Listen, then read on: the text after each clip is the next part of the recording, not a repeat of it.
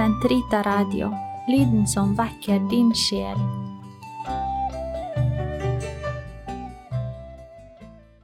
Kroppens teologi, en kommentar til pave Johannes Paul 2.s onsdagskatekeser av Eirik Ambrosius Stenhoff.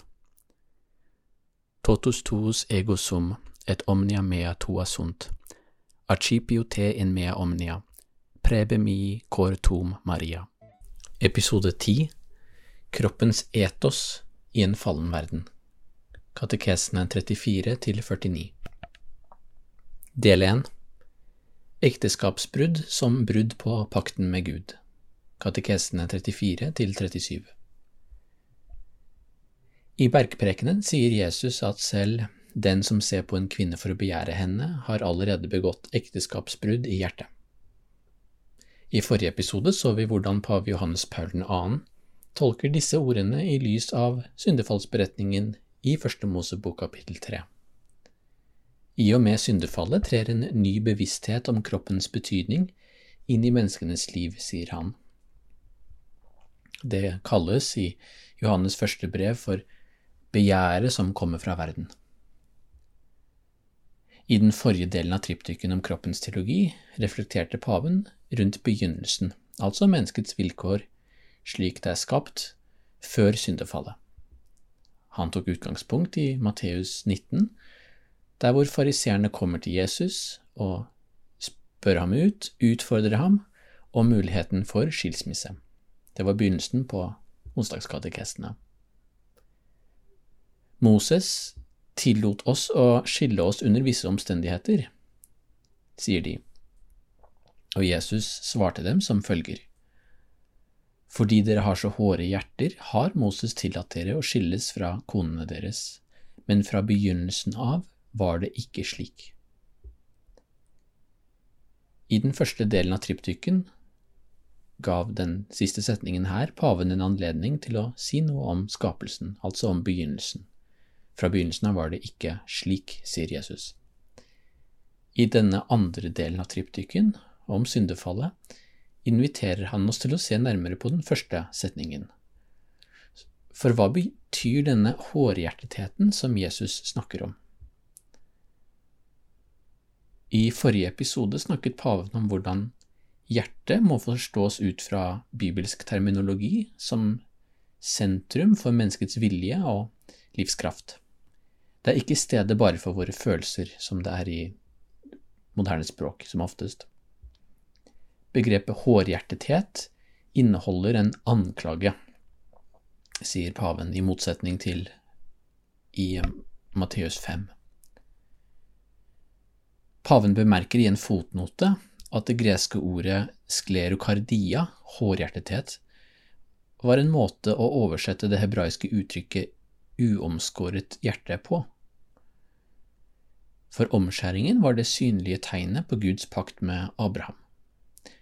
Uomskårethet betegner derfor avgudsdyrkelse, eh, skamløshet eller en avstand fra pakten med Gud i en eller annen forstand. Og i så måte representerer det falne menneskets hårhjertethet dette bruddet med Guds pakt gjennom syndefallet. Og det legger alltid betingelsene for hvordan vi opptrer i verden. Men som vi vet, gir Jesu forsoningsverk oss en mulighet til å overskride disse betingelsene i en viss forstand. For Kristus vet hva som bor i mennesket, som det heter i Johannes evangeliet, og som paven siterer her. Jesu bergpreken representerer en helt ny etos, sier paven, et grunnlag for etikken. La oss se nærmere på hvordan paven analyserer ordene i bergprekenen. For det første slår paven fast at bergprekenen er ikke bare en preken Jesus holdt til de konkrete menneskene den gangen. Den er rettet til oss alle. Bergprekenens ord gjør oss i stand til å etablere et citat, kontaktpunkt med hvert menneskes indre erfaring over hele verden til forskjellige tider i ulike sosiale og kulturelle sammenhenger. Sitat slutt. Og det er derfor vi i det hele tatt kan snakke om evangeliets universalitet, sier paven. Men denne universelle betydning, universaliteten, det faktum at evangeliet er rettet til alle mennesker, til alle tider. Det er også forutsetningen for dens dypt personlige karakter.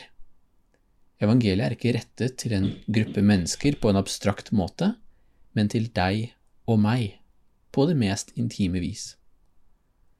Når Kristus taler om hjertet, og for den saks skyld hver eneste gang han møter mennesker i evangeliene, helbreder dem eller bryter brød med dem, så er det denne personlige dimensjonen han appellerer til.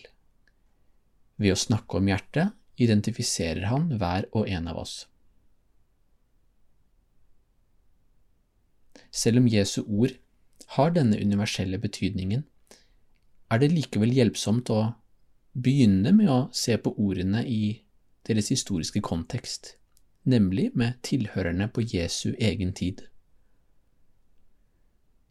Når Jesus snakker om ekteskapsbrudd i Matteus 5, altså i bergprekenen, viser han selvsagt indirekte til det sjette bud i loven.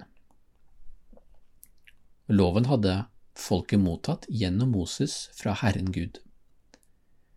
Vi kan også huske på noe her som paven ikke eksplisitt nevner, nemlig at Jesus i bergprekenen fremstår som den nye Moses, som den nye mellommann mellom Gud og israelsfolket.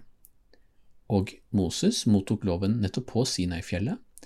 Jesus oppfyller loven på det tradisjonen kaller for eh, saligprisningenes berg.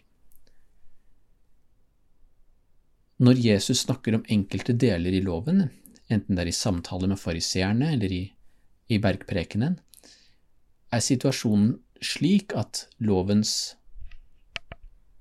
opprinnelige karakter allerede er blitt tolket av mennesker, slik at den rette betydning av godt og ondt er blitt visket ut, som paven sier.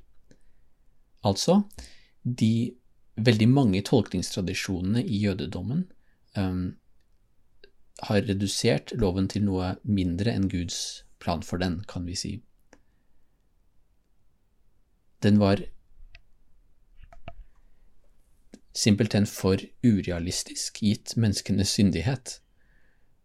Dette er naturligvis ikke noe nytt uh, i kulturhistorien, men det innebærer i realiteten å gjøre syndefallet til selve målet på menneskets etos og menneskelig etikk. Paven sier at denne jødiske tolkningstradisjonen, som fariseerne tilhørte og, og jødene på Jesu tid, ja, det innebar en sitat, kasuistisk tolkning som hadde blitt lagt oppå den opprinnelige visjonen av godt og ondt som var forbundet med de ti bud. Så dersom Kristus forsøker å transformere vår etos, gjør han det fremfor alt ved å gjenreise den grunnleggende klarheten i vår tolkning av loven. Slutt. Og derfor eh, fortsetter paven, sier Kristus at han ikke er kommet for å oppheve loven, men oppfylle den. Noe av det første vi merker i Det gamle testamentet, er hvordan monogamiet, altså kjærligheten mellom én mann og én kvinne, som var Guds plan fra begynnelsen av, eh, undergraves på forskjellig vis. Særlig i patriarkenes tid ble det vanlig med polygami, altså flerkoneri fordi det ble ansett som viktig å få mange etterkommere. I fortellingene om Sara og Abraham og, og Rakel og Jakob ser vi til og med hvordan konene, idet de ikke lenger var fruktbare, lot sine menn få barn med, med tjenestekvinner. Patriarkene var ikke perifere skikkelser, men hadde enorm sosial og religiøs autoritet i Israel. Derfor må polygami sies å ha hatt en betydelig legitimitet i denne kulturen. Og dette er bakgrunnen for loven som kom gjennom Moses. Og det er altså bakteppet.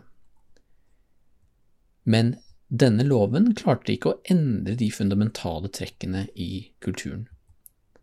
Vi kjenner til historien om David, som jo hadde flere koner. Vi ser også noe interessant, nemlig hvordan han hadde en bevissthet om at han hadde begått ekteskapsbrudd, og hvordan han angret etterpå. Men denne kulturen var i det vide og det brede fortsatt en polygam kultur. Det samme gjelder lovteksten i Mosebøkene. I lovtekstene ser vi hvordan ekteskapsbrudd ble straffet på en brutal måte, ofte med bruk av dødsstraff, men lovtekstene har ingen eksplisitte forbud mot polygami. Ekteskapsbruddet forstås i stedet for innenfor rammene av det polygame samfunn og begrepet viser først, frem, først, og fremst til et ekteskapsbrudd mot en annen manns kone, ikke mot det å selv ha flere koner. Når Kristus snakker om begynnelsen og om ekteskapsbrudd i hjertet, er dette et vesentlig historisk og religiøst bakteppe. Han knytter dermed loven, og spesifikt det sjette bud, med måten Gud skapte mann og kvinne på fra begynnelsen av. I begynnelsen var det én mann og én kvinne, og de to ble ett kjød. Og foreningen mellom Adam og Eva utgjør det paradigmatiske ekteskapet, og det har en normativ betydning for all tid. Kristus peker igjen på denne begynnelsen. Den gammeltestamentlige lovtradisjonen var veldig detaljert og foreskrev samtidig en rekke brutale avstraffelser for synder som folk begår. Og mange av Jesu møter med de skriftlærde og fariseerne er preget av denne bakgrunnen. Han understreket gang på gang overfor dem hvordan mange av de jødiske lovbestemmelsene var menneskelige tolkninger som i realiteten ble hindre for menneskets relasjon til Gud. De gammeltestamentlige forskriftene mot ekteskapsbrudd bevarte i praksis en åpning for polygami, som vi eh, sa, som står i motsetning til Guds plan for menneskelig kjærlighet. Og det er dette Jesus viser til når han snakker om våre hårde hjerter. På den ene side fremhevet ekteskapslovene i Det gamle testamentet en, en positiv dimensjon ved ekteskapet, nemlig dens prokreative betydning, og den har sitt grunnlag ikke bare i skapelsesberetningen, vær fruktbare og bli mange, som det heter, men også i løftet til Abraham om at hans ett skal bli tallrik som stjernene på himmelen og sanden på havets strand. Men den vektlegger den prokreative betydningen på bekostning av den unitive betydning, kan vi kanskje si, altså på bekostning av et kanskje enda viktigere aspekt ved ekteskapet, som likevel er uløselig knyttet til fruktbarheten. Og paven uttrykker dette også på en annen måte. Han sier at de gammeltestamentlige lovene snakker ikke først og fremst om det nivået Kristus kaller for hjerte, men betrakter nettopp kjærlighet, seksualitet og ekteskap på en veldig objektivistisk måte. Mot slutten av denne refleksjonen viser paven hvordan profetene Hosea og Esekiel åpner opp betydningen av ekteskapsbruddet og implisitt selve ekteskapet, gjennom analogien til avgudsdyrkelse. I den profetiske tradisjonen, og særlig i de to nevnte profetene, er relasjonen mellom Gud og Israel ofte fremstilt som en relasjon mellom en brudgom og hans brud. Og hver gang det utvalgte folket, altså bruden, faller fra eller synder mot Guds pakt, beskrives det som et ekteskapsbrudd, altså som utroskap. Men selv om Israel er utro, slutter ikke Gud å lete etter sin brud. Gud forblir trofast selv om han blir sveket gang på gang. Analogien mellom ekteskapsbrudd og avgudsdyrkelse er interessant, for den viser at pakten har sin forankring i kjærlighet.